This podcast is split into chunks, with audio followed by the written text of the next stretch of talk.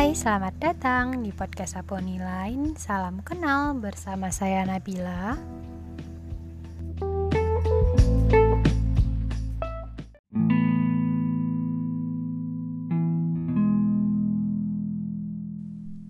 Sulit membuktikan apakah sebuah keinginan yang sederhana akan dikabulkan atau tidak.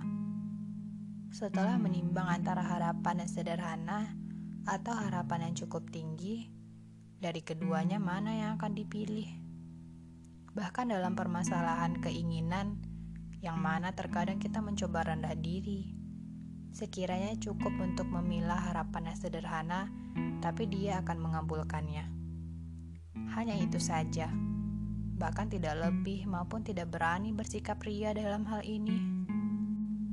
Dahulu kita pernah berharap sepeda roda dua itu akan menjadi teman saya suatu hari nanti. Saya akan menaiki dia dan berlari dengan rodanya, lalu menghabiskan seluruh tawa dan bahagia pada hari itu. Sepeda itu cukup tinggi untuk dinaiki, tapi keinginan kita bahkan mengalahkan tinggi sepeda saat itu. Malahan, kepercayaan diri sudah menjadi langkah pertama dari hal tersebut. Faktanya, ada proses yang pada awalnya tidak bisa kita lihat, tapi harus dilewati untuk mencapai tinggi sepeda tadi. Belajar duduk di atas roda bantu, yang dia paham kita butuh bantuan pada tahap awal, tahap awal dari sebuah proses tersebut. Lalu belajar menyeimbangkan posisi diri dengan sepeda.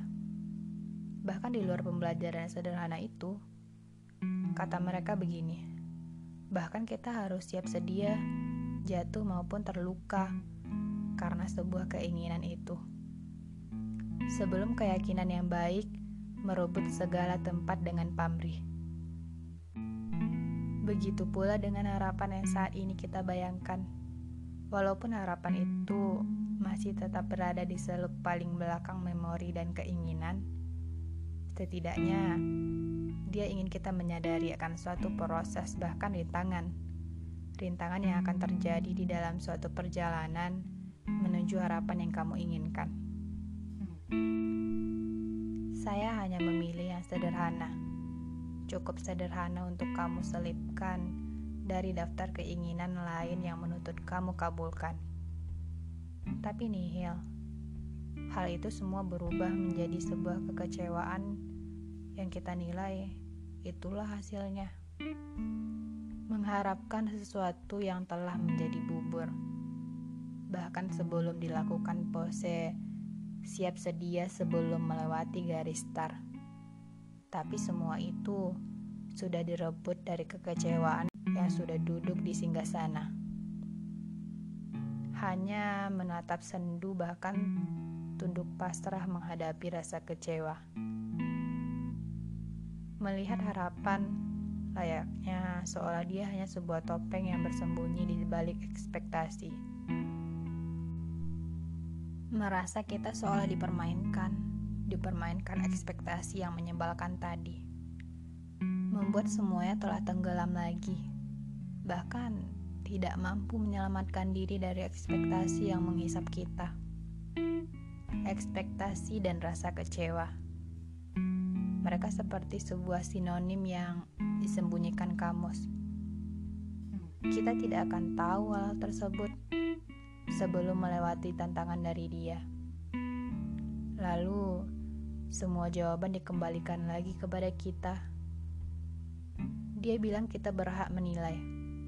Ini semua sebenarnya tentang apa? Rasa kecewa yang sudah membebal membuat kita menjadi lumpuh seketika dihadapkan lagi dengan sebuah harapan. Sendu yang sudah menjadi ibu dari perasaan dan rasa kecewa,